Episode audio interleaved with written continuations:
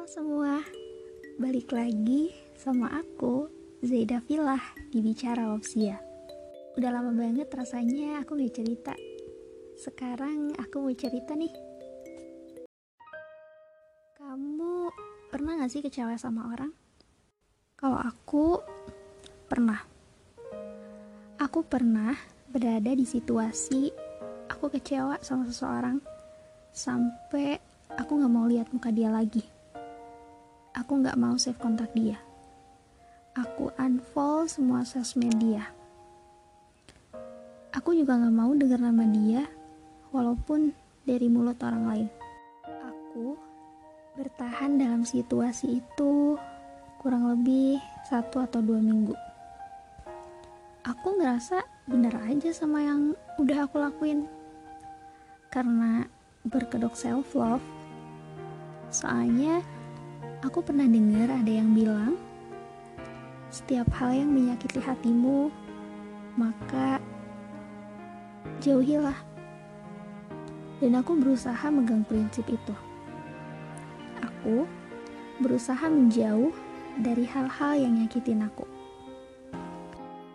Tapi semakin hari aku ngerasa ada yang salah. Tahu gak sih, kalau kita ngejauh, aku ngerasanya kita ini kalah gitu sama dia. Kita kalah dan pasrah sama keadaan. Sampai aku sadar, cara yang aku lakuin dengan memblokir sosmed dia itu nggak sepenuhnya benar. Dari sana, aku mulai nerima keadaan. Satu hal yang bikin aku cepat nerima keadaan itu dengan bersyukur. Aku bersyukur banget karena Tuhan mempertemukan aku sama dia untuk dapat suatu pelajaran.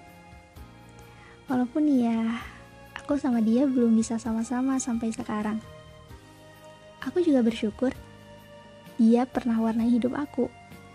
Setidaknya, dia pernah bikin mimpi-mimpi seakan nyata dan terpampang di depan mata. Walaupun akhirnya dia berusaha menghidupkan mimpi-mimpi yang lain.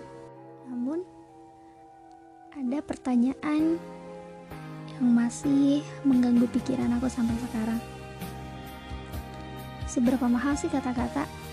Sampai ucapin kata selamat tinggal aja gak pernah kamu ucapkan.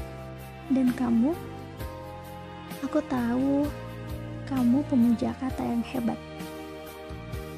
Gak ada ya, satu kata gitu yang mau kamu sampaikan ke aku.